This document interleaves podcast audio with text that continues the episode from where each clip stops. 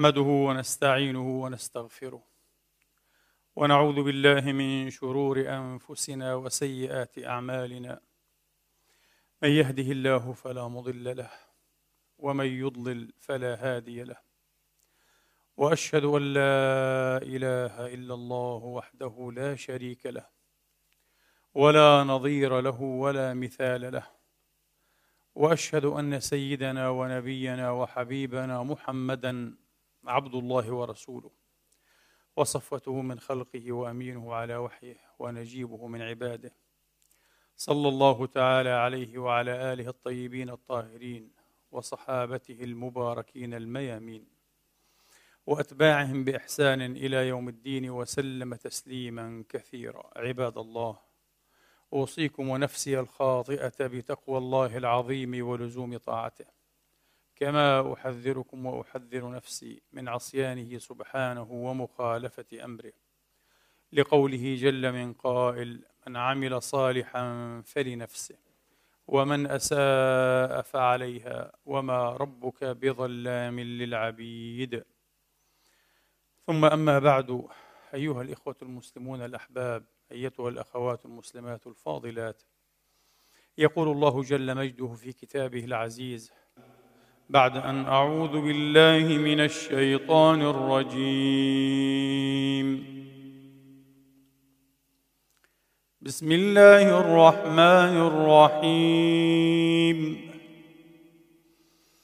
ولقد كرمنا بني آدم وحملناهم في البر والبحر ورزقناهم ورزقناهم من الطيبات وفضلناهم على كثير ممن خلقنا. وفضلناهم على كثير ممن خلقنا تفضيلا.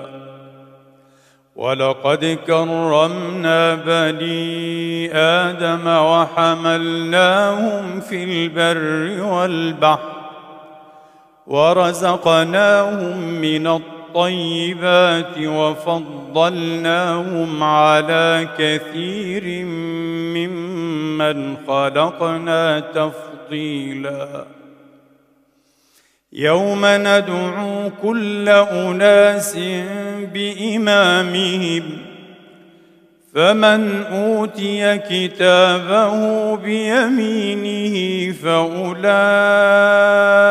يقرؤون كتابهم فأولئك يقرؤون كتابهم ولا يظلمون فتيلا.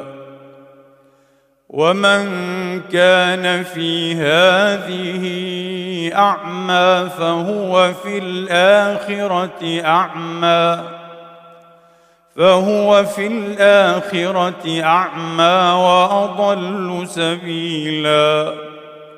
وإن كادوا ليفتنونك عن الذي أوحينا إليك عن الذي أوحينا إليك لتفتري علينا غيره. وإذا لاتخذوك خليلا. ولولا أن ثبتناك لقد كدت تركن إليهم. لقد كدت تركن إليهم شيئا قليلا. اذا لأذقناك ضعف الحياة وضعف الممات. ثم لا تجد لك علينا نصيرا. وإن كادوا ليستفزونك من الأرض ليخرجوك منها. وإذا لا يلبثون خلافك إلا قليلا. سنه من قد ارسلنا قبلك من رسلنا ولا تجد لسنتنا تحويلا اقم الصلاه لدلوك الشمس إلى غسق الليل وقرآن الفجر إن قرآن الفجر وقرآن الفجر إن قرآن الفجر كان مشهودا. وقرآن الفجر إن قرآن الفجر كان مشهودا. ومن الليل فتهجد به نافلة لك. عسى أن يبعثك ربك مقاما محمودا. صدق الله العظيم. وبلغ رسوله الكريم ونحن على ذلك من الشاهدين. اللهم اجعلنا من شهداء الحق القائمين بالقسط. آمين. اللهم آمين. وابعث نبينا ورسولنا محمدا المقام المحمود الذي وعدته واجعله شفيعنا برحمتك يا أرحم الراحمين. إخواني وأخواتي وصلا لذكره صلى الله تعالى عليه وآله وأصحابه وسلم تسليما كثيرا وبذكره تتعطر الأماكن والمجالس أي الأزمنة والأمكنة طرا. فقد كان من هديه عليه الصلاة وأفضل السلام توفير حرمة وكرامة واعتبار أصحابه جميعا على اختلاف طبقاتهم.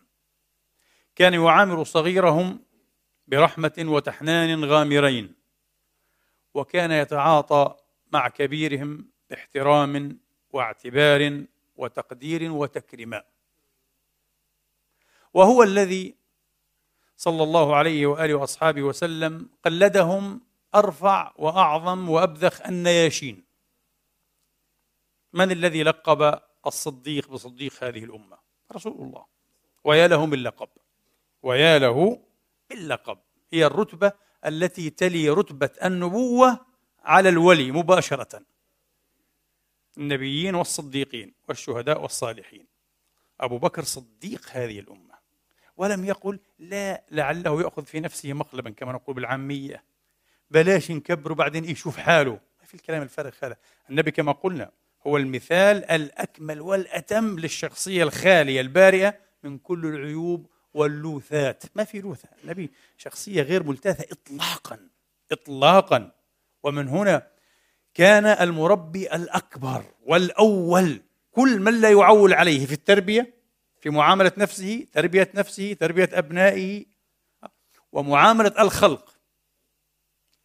لا بد أن يقع مرة ومرة ومرات في غلطة وغلطة وغلطات. فهو المربي الأول والمربي الأكبر عليه الصلاة وأفضل السلام. أرحم أمتي بأمتي. أبو بكر. أيضا يبرز جانبا آخر في شخصية هذا الصديق الرحيم العطوف الشفوق. وأشدها في أمر الله. عمر بن الخطاب. فاروق فاروق هذه الأمة. أشدها في أمر الله. لا يتوانى لا ينثني لا يلين حتى مع نفسه ومع أقرب الأقربين إليه. كان شديدا جدا أشد ما يكون على نفسه وعلى أهله. الرسول أعطاه هذا النيشان أشد هذه الأمة في أمر الله. ما في تساهل. خذ الكتاب بقوة. رجل صادق. وأصدقهم حياء. عثمان بن عفان وهو الذي لقبه أيضا بذي النورين. أصدق هذه الأمة حياء. يا لها من تكرمة. يا لها من تكرمة. وأما علي فهو أيضا صديق هذه الأمة وهو أخوه في الدنيا والآخرة. قال هذا أخي أما ترضى أن تكون أخي في الدنيا والآخرة. حين واخى أو آخى بين المهاجرين والأنصار وترك عليا من غير أخ فتأثر واستعبر. علي عليه السلام وكرم الله وجهه. وهنا جاء دور الإشادة أيها الإخوة وإظهار المثابة. النبي ما أخره عن نسيان ولا عن غفلة أبدا أخره عن قصد وتعمد لكي يؤاخيه هو. قال أما ترضى يا علي أن تكون أخي في الدنيا والآخرة؟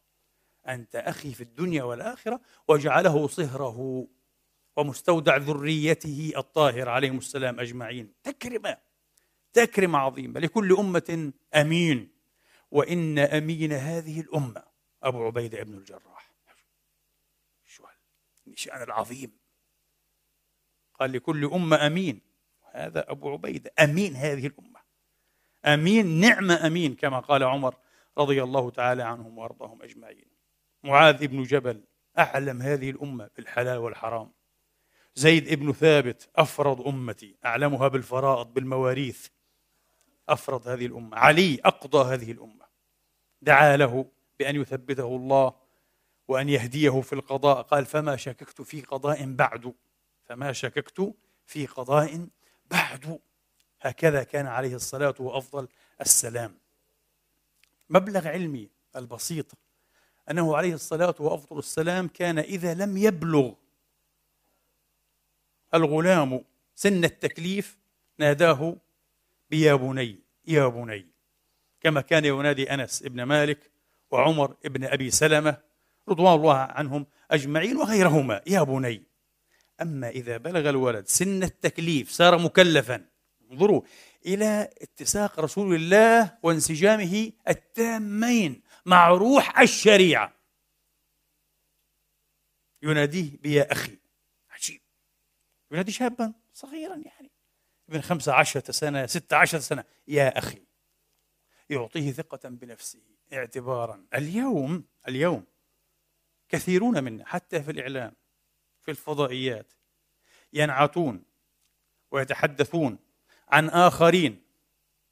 بعضهم له مثابات علمية وبعضه له مثابات سياسية وبعضه له مثابات ومقامات اجتماعية. بالولد. الولد ده ألو... ولد إيه؟ ولد إيه؟ أمة تنتحر. أمة لا تخجل من عارها هذا عار عار. أمة فيها مثل هذه القيم مثل هذا الصغار النفسي والفكري والإعلامي. هذه أمة صغيرة أصبحت صغيرة جدا. وطبعا أمة هان عليها أن تصف صلاح الدين بأخس شخصية عرفتها الإنسانية صلاح الدين الأيوبي. والله أوروبا التي عانت من هذا البطل العظيم. هذا بطل بكل المعايير بطل بطل من أبطال الإنسانية. أوروبا اليوم تحترمه صلاح الدين هذا محترم في أوروبا. طبعا هذا يعرفه من قرأ التاريخ تاريخ الصليبيات أه؟ من قرأ المجلدات الوسيعة. ويقرأ يقف على ما كتب ويكتب الأوروبيون عن صلاح الدين. لم يخجلوا مرة ومرات أن يقولوا تعلمنا من صلاح الدين أشياء كثيرة. آداب الفروسية الحقة من صلاح الدين. جلالة الملكية كيف يكون الملك والسلطان سلطان وملكا من صلاح الدين. صلاح الدين عند أمتنا ما شاء الله. نحن أعلم ما شاء الله. مثقفون أعلم بتاريخنا منا ومن مؤرخين العظام ومن مؤرخي العالم من أوروبا والغرب. صراحة أخس شخصية على الإطلاق عرفها التاريخ. كيف تنبعث أمها تسب نفسها بهذه الطريقة؟ ولصالح من هذا طبعا؟ هذا يعني تكحيل تكحل عيون من بسب الرموز العظيمة في هذه الأمة. طبعا هذا غير بعيد. وغير غريب وغير يعني مستنكر في أمة كما قلت تسب نفسها صباح مساء. فقط يختلفون مع هذا أو ذاك من الساسة أو العلماء أو المفكرين أو إلى آخره. الولد الولد ده والولد مش ولد مش ولد. كيف ولد؟ على فكرة. خذوا الكتاب بقوة خذوا ما أتيناكم بقوة. تعرفون ما معنى التكليف يا إخواني؟ نعرف ولا نعرف نحن؟ نسمع ولا نسمع؟ نبصر ولا نبصر؟ أمة تناقض ما معنى أن الإنسان إذا بلغ سن التكليف صار مكلفا؟ معناه أن من وراءه يعني من أمامه الجنة والنار. هذا الولد ابن أربع عشرة سنة يمكن بأعماله هذه أن يقتعد مثابة عظيمة في الجنة ويمكن أن يلج النار. ابن أربع عشرة سنة. مش صغير عيل غلبان 14 مكلف. مكلف مأخوذ عليه في قوله وفعله ونيته. النية عند رب العالمين.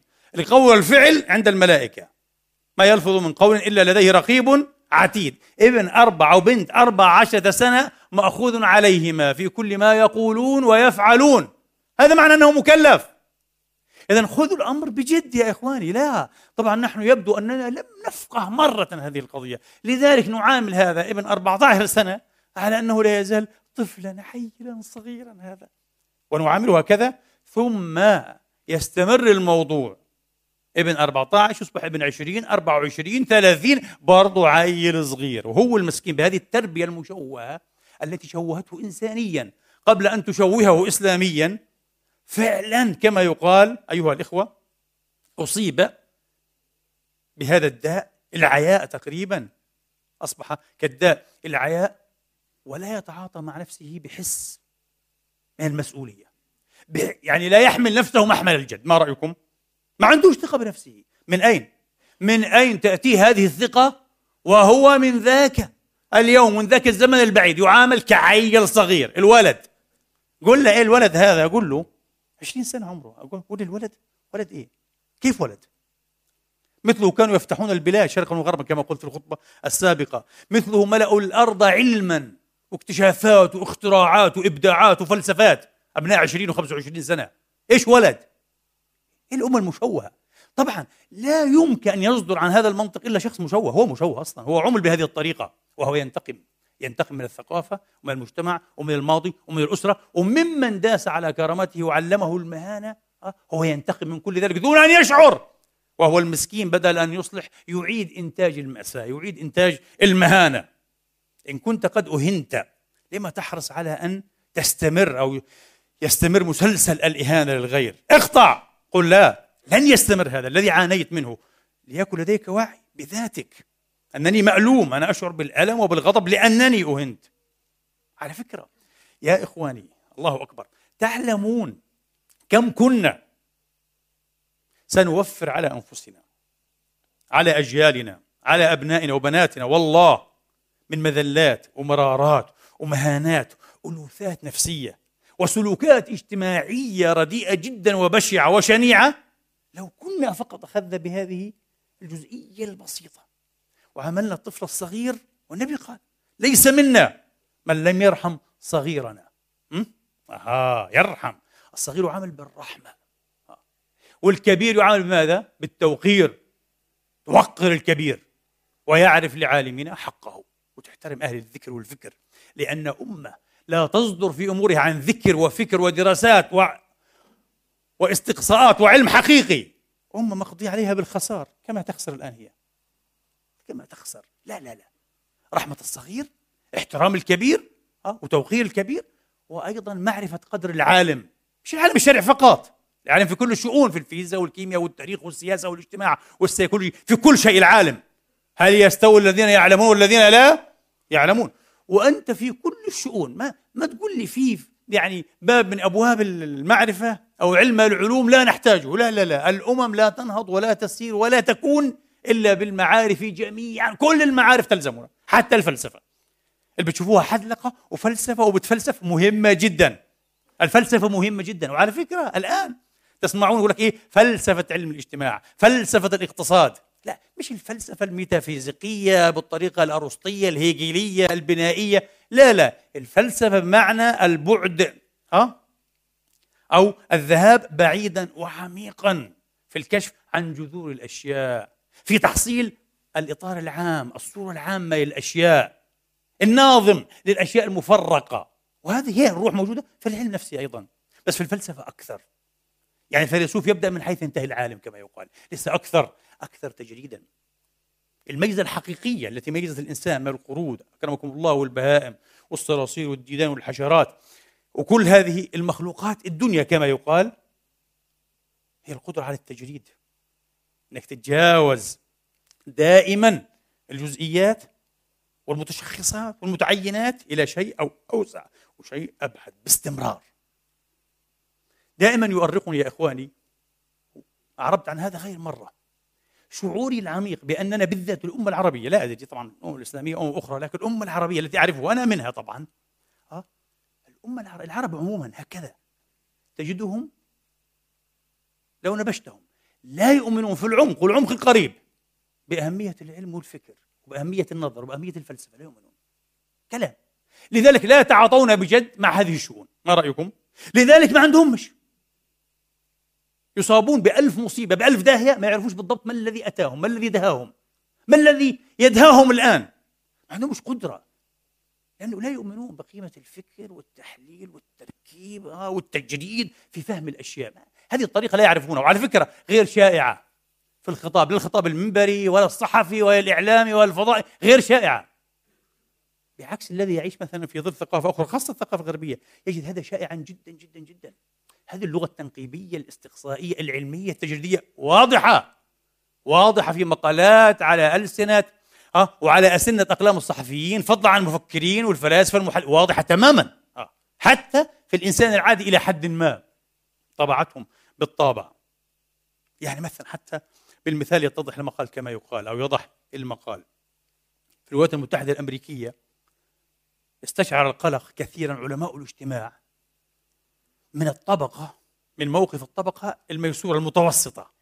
هؤلاء المتوسطو الحال واضح ماشي الحال يعني آه تقريبا لا يعربون عن حس أخلاقي حقيقي إزاء المسحوقين. ال USA فيها تقريبا حوالي 40 مليونا تحت خط الفقر فقراء. بلا بيوت بلا مرتبات بلا تأمينات اجتماعية بلا شيء يعني مخيف مقلق. المقلق أكثر من هذا أن المتوسطي الحال لا يتعاطون مع هذه المسألة وهذه الموضوعة بنوع من إيه الجدية عجيب. ما يهتموش أبدا. لماذا؟ مش هيك. مش هي هيك. لازم نفهم ليش. لأنه في قيم في أفكار في معايير مسيطرة على الناس ساطية بالناس. تؤثر. تؤثر. انتبه. يعني أنت مهما حاولت أن تتنكر الفكر والمعايير والأخلاق والفلسفة ومش عارف إيه أبدا. رغما عنك أنت تصدر عن فلسفة ما في الحياة. حتى لو كانت فلسفة أكرمكم الله كلبية أو هيدونية لذائذية أو عدمية نيلية في فلسفة في فلسفة في موقف فلسفي عندك. آه. وهو الذي ينظم أفكارك وينظم سلوكاتك. آه. يشكل المنطلقات الحقيقية لك في الحياة دون أن تدري. موجود. لا وظيفة الآن العلماء هذول العلماء اجتماع اجتماع مش فلاسفة. بس هذا نوع من الدرس الفلسفي بطريقة ما. قالوا إحنا وجدنا مبررا. من ضمن المبررات بس هذا في رأس المبررات في رأس المبررات. قالوا في ثقافة الولايات المتحدة الأمريكية المعاصرة في معيار متفق عليه متسلم عليه تقريبا إيه؟ بين معظم الناس على الإطلاق وهو أن كل من لديه الكفاءة واللياقة العقلية لأن يكون منتجا ولأن يكون فاعلا ولأن يحسن من ظروفه وينتهز ويقتنص ويستغل الفرص المتاحة. وبلاد بلاد الفرص. تسمى هكذا حقيقة. فعلا فيها فرص. حتى أوسع من أوروبا. في فرص. تعرف تشتغل؟ تعرف تنطلق؟ في فرص. استغل فرصتك. هي بلاد الفرص. كل من يبحث عن فرصة حقيقية بيروح بيسافر على العالم الجديد. وبحقق نفسه إذا أراد. فقالوا من لم يفعل؟ هو الملوم. هو المخطئ في حق نفسه فليتحمل. يكون بلا بيت بلا تأمين يموت مش لاقي ثمن العملية هو حر. في ستين إيه؟ سلامة كما يقال. إحنا غير مسؤولين. هذا موجود. ولذلك لاحظ علماء الاجتماع إذا في شيء معين تحت في القاع هؤلاء العلماء وجدوا أن من واجبهم الكشف عنه البحث عنه والكشف عنه بالتالي. وجدوا أيها الإخوة في موقف لا يتناقض مع أي هذا التقرير العلمي. بالعكس يتسق ويؤيده ويدعمه. أن أبناء الطبقة وأعضاء الطبقة المتوسطة يدعمون مثلا البرامج الحكومية للعلاجات آه، الداعمة أو المجانية لأمراض معينة. مثل مثلا عسر القراءة لدى الصغار. ديسلكسيا ديسلكسيا هذا قال لك آه إحنا معاه. لأنه هذا الشيء مش بيده ولا بيد أبوه ولا بيد أمه. وبده إدوات علاجية معينة. ها تدريبات علاجية من نوع محدد. آه قالوا إحنا مع دعمها مرض إيه؟ الألزهايمر هذا. قال لك آه ندعمه مش بيده؟ ممكن يكون رئيس وزراء. ريغن اصاب ولا صحيح. إمبراطور هذا رئيس أمريكا. ممكن يصيب ببروفيسور كبير. أي واحد هذا. آه ندعمه. ليه؟ لأنك غير مسؤول. شيء غير مسؤول عنه ندعم. إحنا بندعم وبنشجع البرامج اللي إيه بتدعم. شيء أنت كنت المسؤول عنه اتحمل على رأسك. موجود. ومع ذلك لم يقتنع علماء الاجتماع بهذا المبرر بس هم وظيفتهم علميا يكشفوا عنه. هذا العلم الوضعي الآن. مش العلم المعياري. لا بس هذا مش كويس والمجتمع يكون متراحم دخلنا في المعياريات. لا لا لا تحدث عن المعياريات. لا نطلق أحكام قيمة نطلق أحكاما وضعية. إيش اللي بصير فقط؟ نفهم في الأول إيش اللي بصير أحكام القيمة بيجي دورها بعدين لمن إيه؟ يحسنها. واضح؟ عندي هذا القلق أيها الإخوة أننا لا نؤمن بدور الفكر بدور النظر حقيقة في تغيير الأوضاع في ت... ولذلك شوف تحدث هذه الخطبة ذات إيه؟ مثل الخطبه السابقة هي وصل الخطبه السابقة. ذات طابع تربوي. في الميدان التربوي الذات يمكن إحنا في أواخر الأمم التي تؤمن بدور العلم والفكر والدرس في التربية. وهذا سبب خيباتنا على فكرة. إحنا أمة خائبة تربويا والله العظيم. خائبة جدا جدا جدا. أنت تصدم بزعامات وقيادات فكرية وروحية بالمنطق الذي يصدرون عنه بالأشياء برد أفعال شيء غير لائق بالمرة. ما الذي حصل في هذه الأمة؟ غير لائق. وكما قلت مقلق ومقلق جدا وإذا لم تستشعروا القلق هذا بحد ذاته أحد أعراض المشكلة.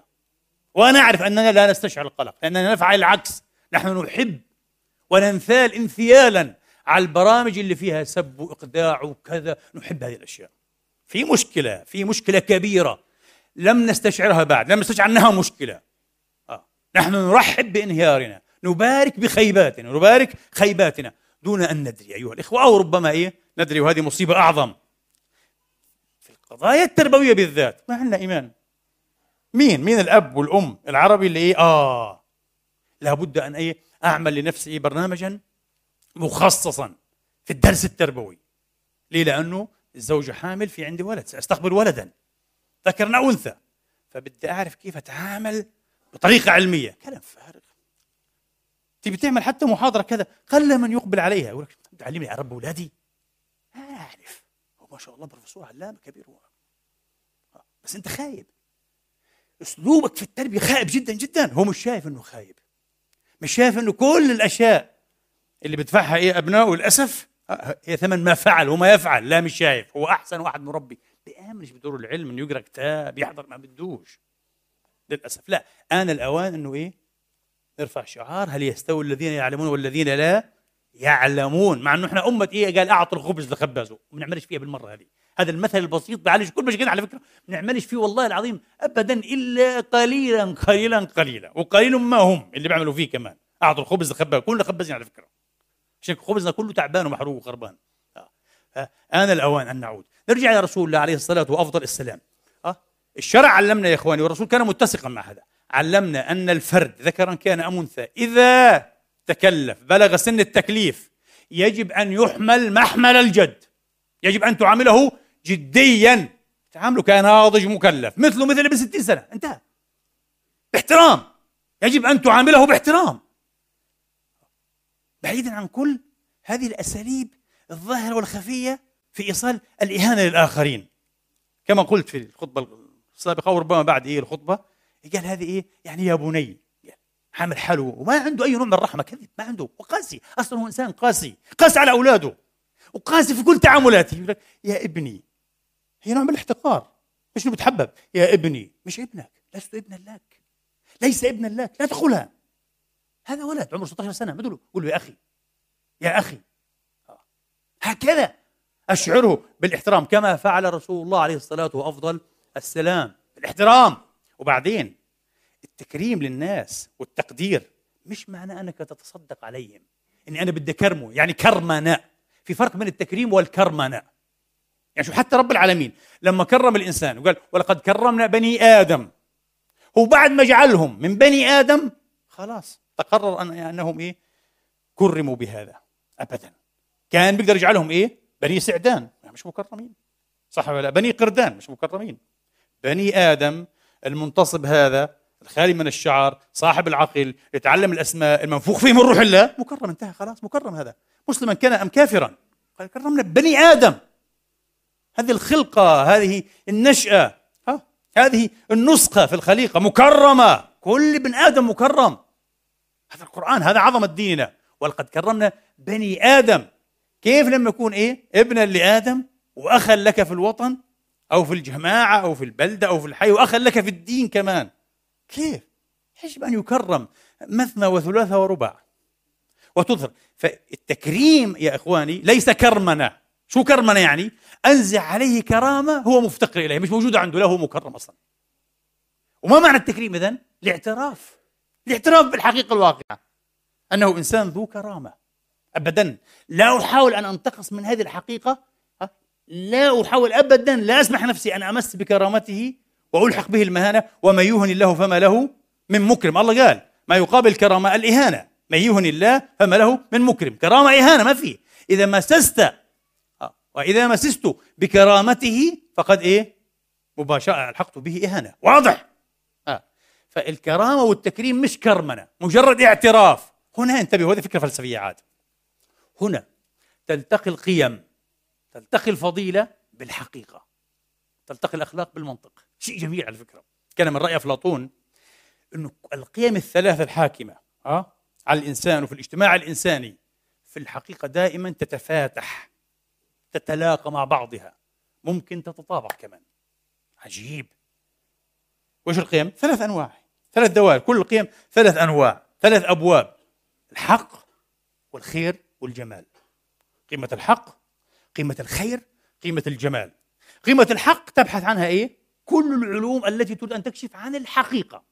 مش بس علم المنطق اللوجيك زي ما قالوا يبحث عنه المنطق. لا لا لا مش المنطق. كل العلوم حتى الفيزياء والكيمياء وكلها أي علم يكشف الحقيقة كيف تتصرف المادة؟ ما هي المادة بالذات؟ كيف تتفاعل العناصر هاي فيزياء وكيمياء دخلنا فيزياء وكيمياء. هذا هذا حقيقة هذا حق. والخير الخير الذي يجعلنا نحكم على أفعال الناس وعلى أفعالنا وننشط وننبعث في الأفعال آه، ضمن فئات. معينة. ثنتان رئيستان منها. فئة خير وشر. جيد وغير جيد. جيد ورديء. جيد وسيء. الأخلاق يعني. الحق والخير. الأخلاق الخير والخير الأخلاق يعني. والجمال. جميل وقبيح. جميل وقبيح. أفلاطون كان رأيه وأنا من هذا الرأي من سنوات أنه هذه الدوائر الثلاث تتفاتح وتتعاون وتتعاضد وتلتقي مرة تنطبق على بعضها. أنا أقول لك في قضية الآن بدك واحد أنت مثل رسول الله أرسله الله بالحق أه؟ وبدين الحق وبالحق أيضا إيه؟ أه؟ أنزل عليه وشرع له. بدك إياه يتصرف تصرفا. يمس فيه بشيء من كرامة الناس؟ ينقص أحد من الناس حقه وفضله مستحيل. ليه؟ لأنه هذا حق. والنبي رسول الحق. مش بس رسول الخير وبعث له تمام بكلام الأخلاق هو أيضا رافع لواء الحق. من الحق أن فلانا هذا قدره مش هذا هذا. إذا فليأخذ هذا مباشرة. أبو بكر صديق الأمة قالها النبي بالفم الملآن والدرس القاطع صديق هذه الأمة. صديق. قالها.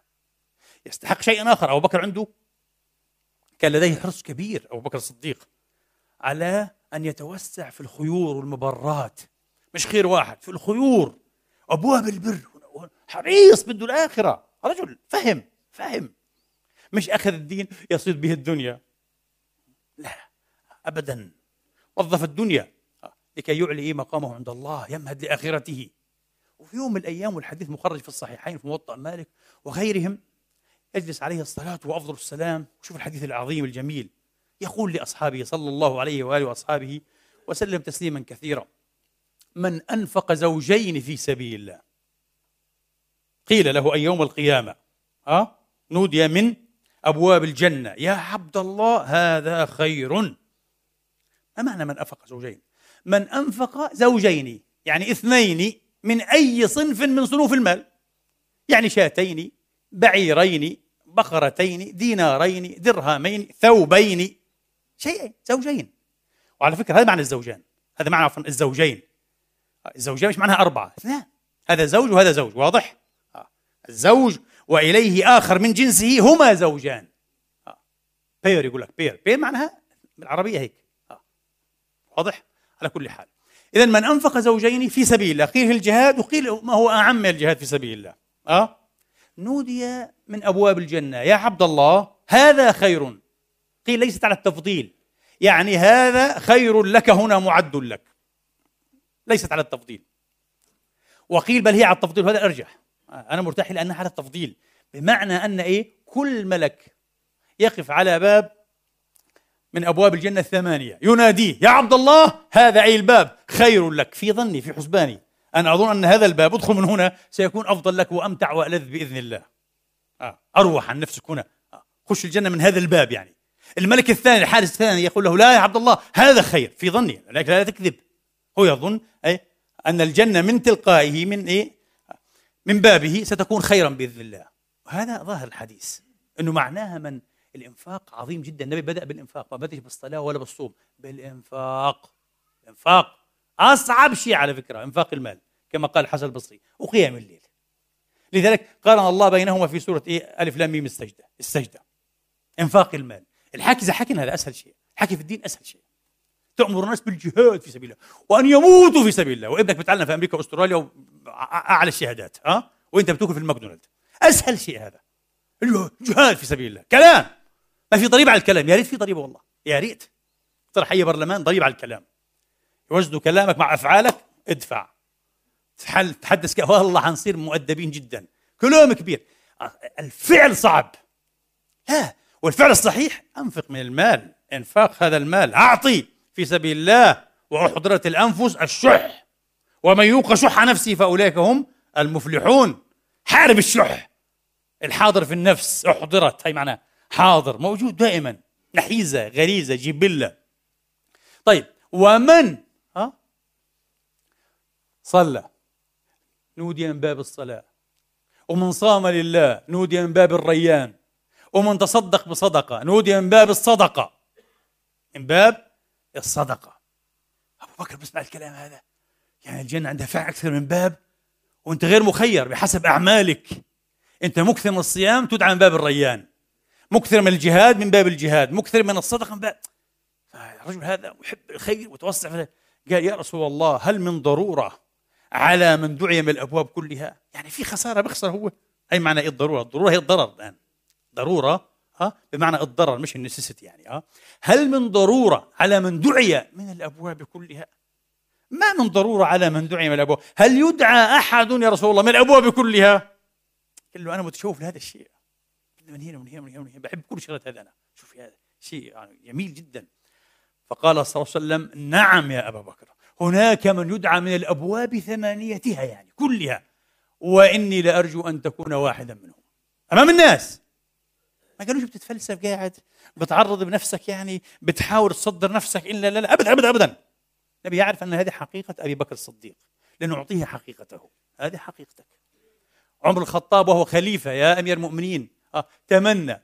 كل واحد جعل يتمنى. فقال أتمنى لو أن الله تبارك وتعالى رزقنا آه بيتا كهذا البيت. بيت كبير فيه آه الله أعلم 100 200 متر مربع. كله رجال أمثال أبي عبيدة بن الجراح وفلان وفلان. لأن الأم تقوم برجالاتها. كم من رجل يعد بألف رجل وكم من رجال تمر بلا عداد. ملايين لا قيمة لها. همل كهمل النعم. وفي رجال هم الذين يحيون أمتهم. يشقون لها طريقا جديدا. يبصرونها من عمى يسمعونها من صمم. يبعثونها من إيه؟ من خمول وسكون وشلل. يحيونها من موات. هذول الرجال عمر أنا بدي رجال زي هيك. رجل مهتم بالأمة. مش مهتم بنفسه وبطنه وفرجه. وأمواله وحسابه في البنك. لا! رجل أمة! الأم تتحرك بهؤلاء العظام الأماجد. اللهم كثرهم في أمتنا وباركهم يا رب العالمين. آه. شايف كيف؟ فهذا ولذلك كانوا كما قلت لكم إخواني وأخواتي آه. كانوا شديدي الاعتداد بأنفسهم. لم يكونوا متكبرين ولا مزدهين لكن في اعتداد في احترام. أبو بكر وعمر وعثمان وعلي وك... يعتدون بأنفسهم. في احترام في شعور. وكما قلنا في الخطبة السابقة الذي يحترم نفسه حقا ويعتد بنفسه وحريص على هذا الشيء يحترم الآخرين ويوفر كرامتهم ويغضب إذا ديس على طرف واحد منهم ظلما وبغيا وعدوانا. جابر بن عبد الله مش جابر عفوا أعتقد جابر نعم. آه، في الهجرة سألوه مرة إيش أنت أغرب شيء شفته؟ يا جابر مع أنه هو أنصاري. قال أنا أغرب الأشياء اللي شفتها وسمعت عنها. سمعت أنه في بلاد الحبشة امرأة عجوز كانت تمشي وجاء رجل فارس على فرس. آه. وكزها هكذا فوقعت على الأرض. فقلت له ويل لك من الجبار يوم يضع الميزان. قال هذا شيء عجيب. بتحسسوا للظلم بتحسسوا للبغي على الضعفاء والمساكين. ما تعلموش هذا الشيء. على أساس. عشان امرأة من السوق وأنت هذا يزعجهم. النبي رباهم على هذه الطريقة. النبي رباهم على هذه مش تربية المهانة. أعجب وأكرم من هذا والله. علي بن أبي طالب عليه السلام أمير المؤمنين. علي بن أبي طالب كرم الله وجهه وهو خليفة. يأتيه رجل في حاجة. يطلب حاجة مسكين من فقراء المسلمين. فيأمر علي بن أبي طالب غلامه أن يطفئ السراج في الليل. جاي في الليل بعد العشاء. يا غلام قال له أطفئ السراج. أطفأ السراج. ذهب الغلام قال له سل حاجتك يا أخي. الغلام استغرب ليش؟ ليش تطفئ السراج سأل حاجته لباه وانطلق الرجل راشدا. في فضول يا أمير المؤمنين لما فعلت؟ ما فعلت. قال له كرهت أن أذى أن أرى ذل المسألة في وجهي. يا الله! يا الله على أمة الكرامة! كانت أمة كريمة وكرمها الله. حبش؟ قال له. ما حبش واحد جاي يسألني؟ أشوف في ظل السؤال. أعرف بعض الناس. والله العظيم حين يعطي ما يعطي. هو يقول هذا. وأنا أصدقه. يقسم بالله أنه لا يحب أن يشكر. أنه يرفع له آخر سماعة يشكر على إيه؟ الخدمة أو العطية. ما يحبش. قلت له أنك إنسان محترم. أنت محترم. ما بحب. أشعر أنه فيها نوع من إيه؟ يعني كأنه بذل ماء وجهي كأنه انكسر لا أحب. خلاص. أنا عملت هذا الشيء بدافع يعلمه الله وانتهى. خلاص. اعمل لله وكما يقال إيه؟ هذه أمة كرامة هذه أخلاق كرامة. مش أخلاق المن. اليوم من؟ على جميع المستويات يا جماعة. في من؟ في ثقافة المن اليوم. ثقافة المن. أي واحد يعني يقدم خيرا لأحد يقول لك إيه؟ لحم أكتافه من خيري ليه أنت ربيته شو أنت أعطيته مرة؟ هدية ولا مش ساعدته كذا؟ كيف صار لحم كتافه؟ لحم كتافه من خير أبيه ومن خير رب العالمين. إيه المن الوسخ هذا؟ زي ما قلت هذه ثقافة المهانة ثقافة المهانة مش ثقافة الكرامة. يا إخواني علينا أن نؤسس لثقافة جديدة. وعلى فكرة هذه الثقافة الكل والله معها رابح. لا أحد يخسر. لا أحد يخسر. على فكرة لم أوضح بالطريقة التي تشفي نقطة الحق ونقطة الخير. كيف يلتقيان في شخص رسول الله وفي إعطاء الناس ما هم عليه من فضل وقدر واعتبار. يا إخواني في الحقيقة كما قلنا فلان هذا قدره. وعلى فكرة الكرامة والتكريم مش للشخص فقط لمواهبه كفاءاته وإنجازاته. واضح؟ في ناس لا بيحترمك كشخص يعني هيك يعني طولك وعرضك يعني. بس كفاءاتك ومواهبك وإنجازاتك ولا بيحب أصلا تذكر. ينبض لها به عرق يؤلمه في قلبه. شعور بالصغار أيضا عقدة نقص. ليش هو مش أنا؟ يا رجل نحن قسمنا بينهم معيشتهم. بالعكس خلي رهانك يا جماعة. انتبهوا كما قلت الفكر مؤثر جدا في الإنسان. ادرس أفكارك وبواحثك ومنطلقاتك وعالجها مليح عشان تصير إنسان ممتاز. وأنا أعتقد كل واحد أعتقد معظم الناس على الإطلاق معظم الناس يحبون أن يصيروا أحسن وأفضل وأكمل. صحيح؟ هذا شيء جميل في الإنسان على فكرة وهذه نزعة أخلاقية في الإنسان. وهذه نزعة مش تطورية كما يحاول الماديون بالعكس هذه نزعة إلهية في الإنسان. هذه من أثر نفخت فيه من روحي. في حس أخلاق عند الإنسان. الإنسان بما هو إنسان يحب أن ينسب إلى الكمال. وإذا أمكن أن يستكمل الفضائل يحب هذا. طب كويس. ابدأ الآن. بس الطريقة كيف يريد من يلفته من يلفته ومن يذكره ومن يدله. صح؟ عشان هيك تجي أهمية برضه التعليم والدراسة. كيف أعمل؟ طيب من أين أبدأ؟ كما يقال عادة ارسم لنفسك صورة. صورتك هذه الآن غير مرضية عندك؟ في جانب من جوانبها. آه انتبه. ما في مشكلة. ارسم لنفسك صورة أخرى مرضية. قول أنا في هذا المجتمع ها؟ مثلا أنا في هذا المجتمع بدي ألعب دور الحكيم الناصح الحكيم المصلح الحكيم. مصلح أصلح بين الناس. بين الأصدقاء بين الآباء والأبناء بين الأزواج بين الجماعات بين الفرق بين المذاهب. أنا مصلح أنا أصلح أنا لا أفسد. لا أشعل الحرائق أنا أطفئ الحرائق. مثلا ارسم لنفسك هيك واضح؟ طبعا في ناس على فكرة بيعيش وبموت دون أن يسأل نفسه مرة عن صورته. إيش أنا؟ هو مشعل حرائق ما يهمنيش. باسم الدين باسم قال الله قال الرسول مشكلتك هذه. بس أنت مشعل حرائق أنت كل اللي عملته في عشرين سنة ها؟ الله أعطاك مكانة تتكلم الناس منها يصل صوتك منبر معين يعني ها؟ كل اللي عملته والله العظيم. أحرقت بلادك. ساهمت في إحراقها أنت مش الحرائق شيء تافه جدا وحقير صح؟ محقور جدا. أنت لا أرسم الصورة المعاكسة. ها؟ أنا زارع ورود. أنا موزع ابتسامات. سأعالج أنا إيه؟ بلسم أنا لآلام الناس لمراراتهم لعذاباتهم بإذن الله. وين ما أكون. سواء اللي بقدرش إذا ما قال النبي إنكم لن تسعوا الناس بأموالكم. حتى لو كنت ملياردير. ما تقدر تلبي كل حاجات الناس المادية. بتروح أموالك بتخلص في شهر. المليارات بتخلص في شهر. ولكن ليسعهم منكم ها؟ حسن الخلق طلاقة إيه الوجه؟ بسمة. وجه جميل. كلمة طيبة. يا أخي يا حبيبي يا أستاذي يا عم يا خال يا أبي يا أمي يا خالتي. خليك مؤدب مع الناس وحاول تساهم بالإصلاح. صورة ارسمها لنفسك. صورة الحكيم المصلح. الحكيم بعدين. آه. لا تتعجل. لا تتعجل. سمعت إيه خبر؟ تكون كما قال علماء من أهل البداءات. يعني بادي الرأي. بسمع خبر. إيه طبعا شفت هذولاك؟ وقالوا ف... يا رجل هذا خبر كلام خبر هذا هيك في النت هذا أنت من جماعة النت. خبر في النت وكذا ما تتعجلش الحكيم؟ يتريث دائما. إيه بلغك شيء يسوءك. عن صديق لك عن جارك عن ابنك عن كذا. لا تتعجل. شوي شوي. اهدى إن الله مع الصابرين. ممكن عما إيه؟ قريب أو قليل. يتكشف لك أنه هذا الخبر لا أساس له ولا مصلحه الحمد لله.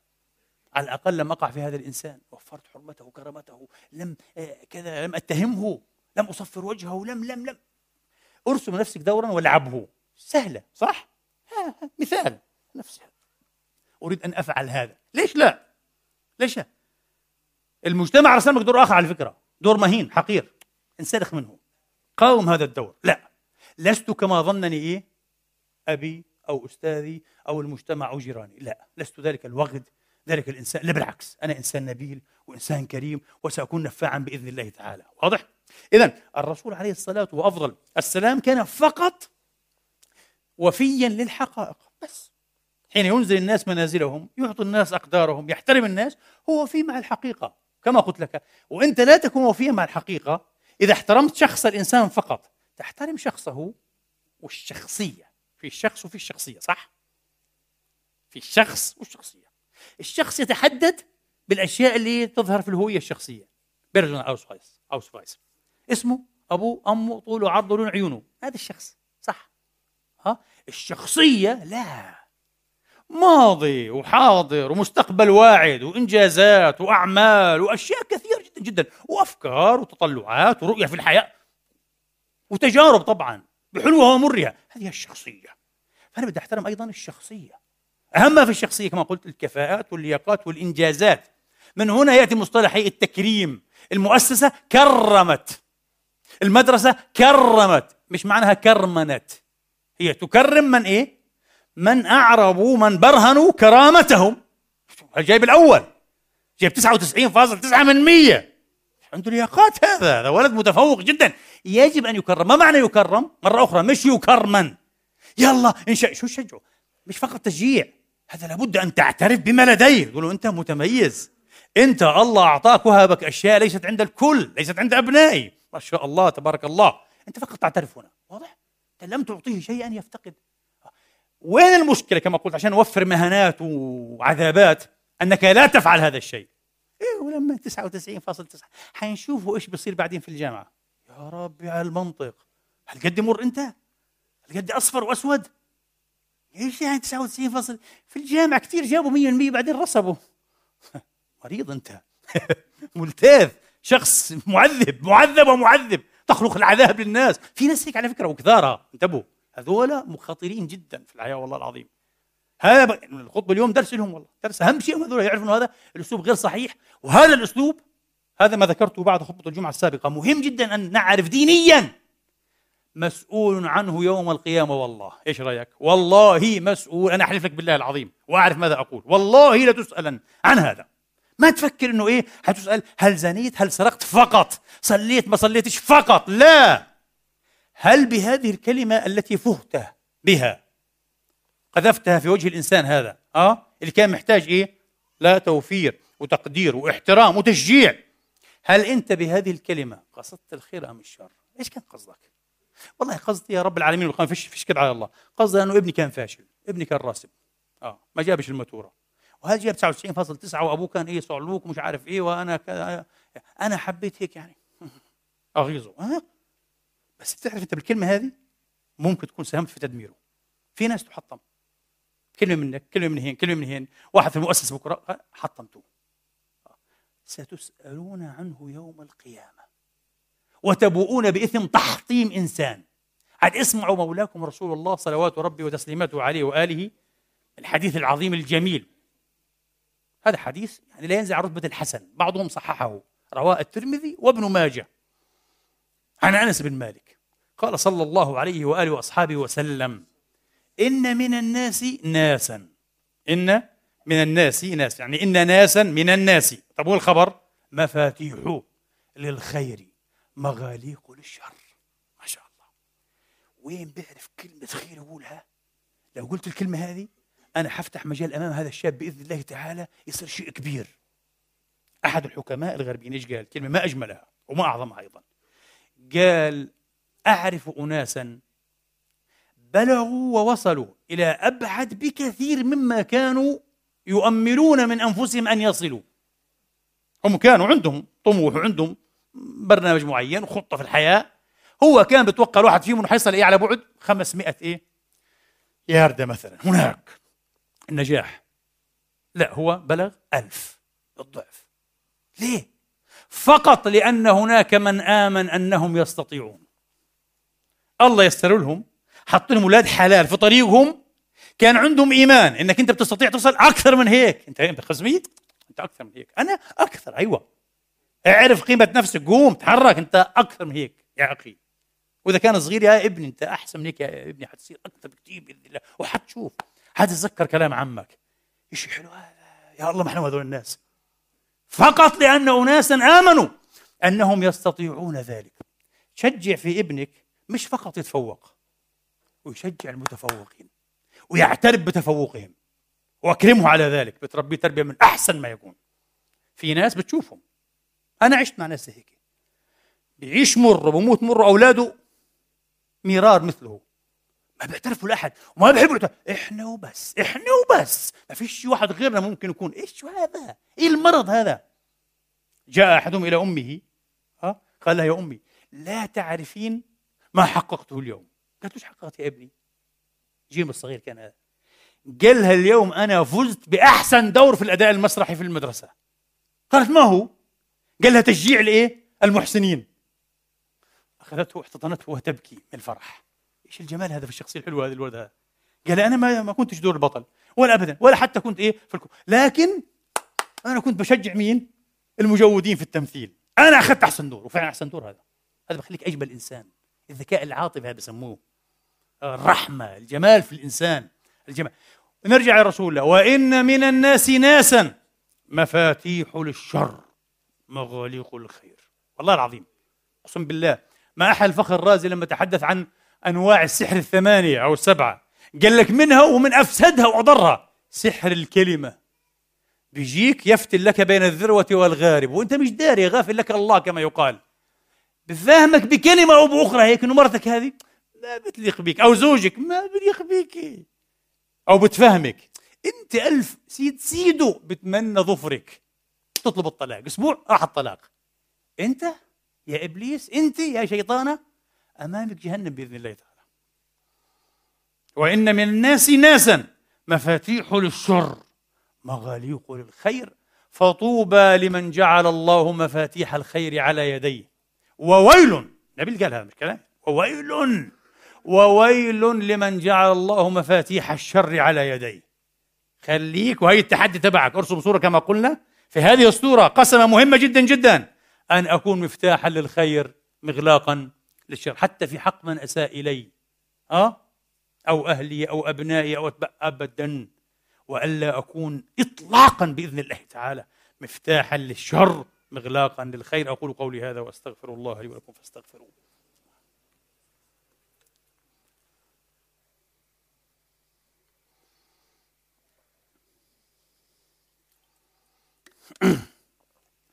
الحمد لله. الحمد لله الذي يقبل التوبة عن عباده ويعفو عن السيئات ويعلم ما تفعلون. ويستجيب الذين آمنوا وعملوا الصالحات ويزيدهم من فضله والكافرون لهم عذاب شديد وأشهد أن لا إله إلا الله وحده لا شريك له. وأشهد أن محمدا عبده ورسوله صلى الله تعالى عليه وعلى آله وأصحابه وسلم تسليما كثيرا. أما بعد إخواني وأخواتي روى الإمام الطبراني في المعجم الكبير من حديث جرير بن عبد الله البجلي رضي الله تعالى عنه وأرضاه أن عمر بن الخطاب ويبدو أنه كان في خلافته أن هذا الحدث وقع في خلافة عمر أن عمر بن الخطاب رضوان الله تعالى صلى بالناس. لا ندري جماعة أو الجمعة صلى بالناس فخرج من أحدهم ذلك الشيء. الصوت المعروف يعني. مسكين ما عنده تفاخ عنده مشكلة في المرارة ما يعرف عنده برد. خرج ذلك الصوت. طبعا لو في مجتمع زي اليوم بيقعدوا يطلعوا كذا. مجتمع رسول الله يعني في الحديث المشهور جدا لما وصف مجلس رسول الله. كيف لما كان المجلس تبعه؟ عنده مجلس يومي رسول يوميا. مجلس رايحه وجايه قال لك كان لا تنثى فلتاته وكان مجلسه لا تنثى فلتاته ما معنى ها؟ تنثى فلتاته في فلتة. واحد بيعمل حركة معينة واحد بيطلع منه شيء واحد بيفقد أعصابه مرة بصير الشيء بصير مهاوشة بين اثنين فلتاتها بتصير في المجالس ها؟ هذه تدفن في مكانها. ما في يطلع شفت صار اليوم؟ في مجلس رسول الله يا جماعة آخر الدنيا هذه القيامة حتقوم في مجلس الرسول سب وقال له هيك أمك هيك أبوك. ما في الكلام هذا ما في. كبار. كثير كثير مهم. تتربوا ها؟ نتربى والرب تربية فيها إيه؟ نوع من النضوج. نكون كبار. نشعر أنفسنا إحنا كبار مش صغار إحنا. مش أولاد مش خفاف. في رزانة في رصانة. خلاص غلطة صارت. لا شفنا لا سمعنا. الكريم من شأنه ماذا؟ نتحدث عن الكرامة اليوم المهانة. من شأن الكريم الإغضاء والتغافل. كأني ما سمعتش كأني ما شفتش كأنه ما صارش. هاي تربية الكرامة هذا كريم. يقال عن مفتي روح الله روحه في عليين. مفتي دمشق في وقته قبل 60 70 سنة. آه جاءته امرأة امرأة مستورة بنقابها وجاءت مع إيه؟ مع جارة لها أو صديقة أو أخت تسأله في مسألة. يا سيدي أنا فلانة زوجة فلان كذا. خرج منها الصوت مسكينة. فصارت في حيص بايص أمام المفتي كذا. فقال قلت ما اسمك يا أختي؟ قالت فلانة يا سيدي. قال ما اسمك؟ ارفعي صوتك لا أسمع يا أختي. فطبعا سري عنها المسكينة كأنما أحياها الموت. آه. افتعل الرجل كأنه لا يسمع فعلا حتى لا يحرجها. لو واحد يوم سخيف صغير عادي يا أختي هذا صار في مسجد رسول الله أخرج الطبراني يخرب بيت أهلك. الطبراني إيش؟ بعطيها درس إنه فهمان هو يعني وأنت هذا طلع منك ما تخافيش عادي بصير في أحسن العائلات. إيه الكلام الفارغ؟ بل أنت في لا لا ماذا قلت؟ اسمك؟ ما اسمك؟ انبسطت هي المسكينة. بارك الله فيه هذه يمكن تكون أحسن له من عبادة 20 سنة والله العظيم. قسما بالله تصفير الوجوه من أكبر الكبائر جبر الخواطر جبر خواطر إيه؟ كريم الذي يجبر خواطر عند ربه عز وجل. كريم جدا اجبر خواطر الناس. كلمة مجاملة من غير كذب من غير تملق. لوجه الله هيك ارفع فيها معنويات واحد. ما تحطم. شيء حلو هذا. هذا من الدين على فكرة هذا من الدين. على كل حال فيقول إيه؟ جرير. فخرج ذلك الصوت. وعمر بعد ما سلم قال عزمت على إيه؟ من خرج منه الصوت إلا قام وتوضأ واعاد الصلاة. يا أمير المؤمنين راح في 60 داهية هذا. مسكين ليش هيك فما قالوش عمر بن الخطاب ملهم فاروق الإسلام وافقه القرآن في مواضع وكذا خلاص. لا لا لا في استقلالية في التربية. فقال فقمت. جرير روى الحديث قال له يا أمير المؤمنين أو تعزم. قال له انت هيك عزمت. أهلا وسهلا. لكن في خير آخر. أو تعزم على من سمع الصوت. إلا قام وتوضأ واعاد الصلاة. قال نعم ما قلت. يعني نعم ما قلت. نعم ما قلت جزاك الله خيرا. قال له كلامك أحسن من كلامي. مين سمع؟ وعمر سمع. كل اللي سمع يقوم يروح يتوضأ. يا الله يعني بدك حتوضا 70 80 واحد ويعيدوا الصلاة. عشان إيش؟ عشان كرامة واحد طبعا. عشان كرامة واحد. شفت المجتمع العظيم؟ شفت المجتمع كيف كان كريم؟ مش كريم لأنه غزا الغزوات وجاب الفتوحات وجاب الجواري والعبيد مش هيك كريم؟ كريم بهذه الأخلاق بهذا الرقي الإنساني بهذه إيه؟ المعايير العالية الحاكمة عليه على رجاله ونسائه وسلوكاته. بدنا الكرامة هذا الشيء من سبيل الكرامة. اللهم كرمنا ولا تهنا واعطنا ولا تحرمنا وزدنا ولا تنقصنا. اللهم إنا نسألك في هذا اليوم الكريم في هذه الساعة المباركة من هذا البيت من بيوتك. ألا تدع فينا شقيا ولا مطرودا ولا بائسا ولا يائسا ولا محروما. برحمتك يا أرحم الراحمين. اشف مرضانا وتولنا في كل أمرنا. وارحم موتانا. ورد غائبنا. وأطلق أسيرنا. واقض الدين عن مديننا برحمتك يا أرحم الراحمين. وجنبنا الفتن ما ظهر منها وما بطن. واقض لنا بالخير. ويسر لنا الخير. وأسبغ علينا النعمة. واجعلنا لك فيها من الشاكرين. ولآلائك على الدوام من الذاكرين. برحمتك يا أرحم الراحمين. عباد الله إن الله يأمر بالعدل والإحسان وإيتاء ذي القربى وينهى عن الفحشاء والمنكر والبغي. يعظكم لعلكم تذكرون. فستذكرون ما أقول لكم وأفوض أمري الله. إن الله بصير بالعباد وأقم الصلاة. الله أكبر.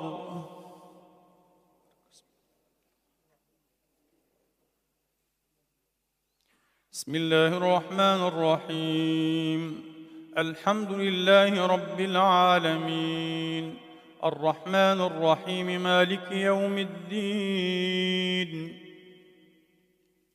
إياك نعبد وإياك نستعين. اهدنا الصراط المستقيم. صراط الذين أنعمت عليهم غير المغضوب عليهم ولا الضالين.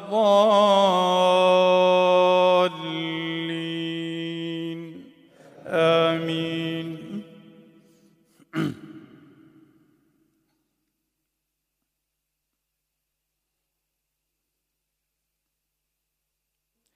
وإن كادوا ليستفزونك من الأرض ليخرجوك منها. وإذا لا يلبثون خلافك إلا قليلا سنة من قد أرسلنا قبلك من رسلنا ولا تجد لسنتنا تحويلاً أقم الصلاة لدلوك الشمس إلى غسق الليل وقرآن الفجر إن قرآن الفجر كان مشهودا ومن الليل فتهجد به نافلة لك. عسى أن يبعثك ربك مقاما محمودا.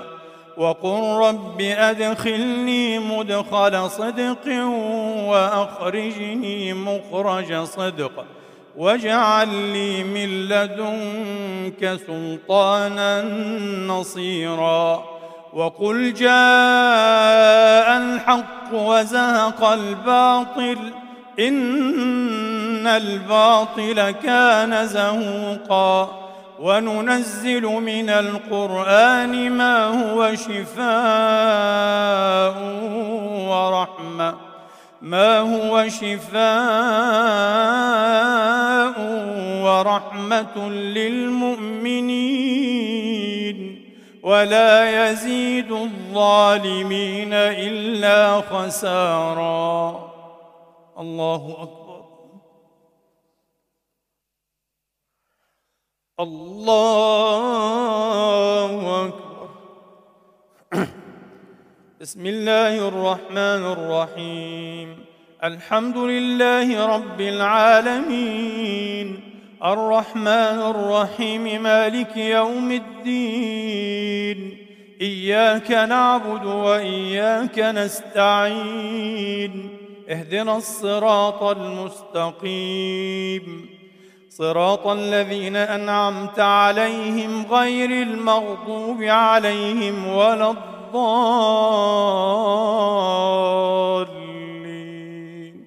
آمين.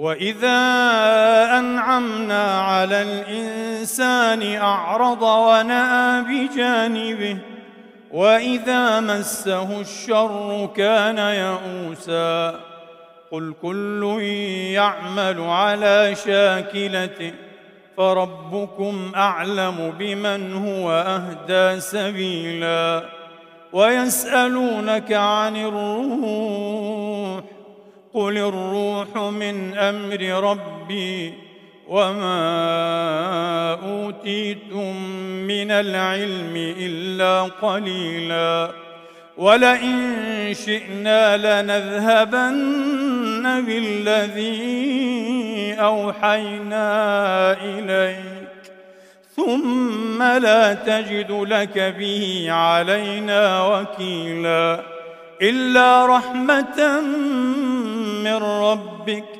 إن فضله كان عليك كبيرا. الله أكبر.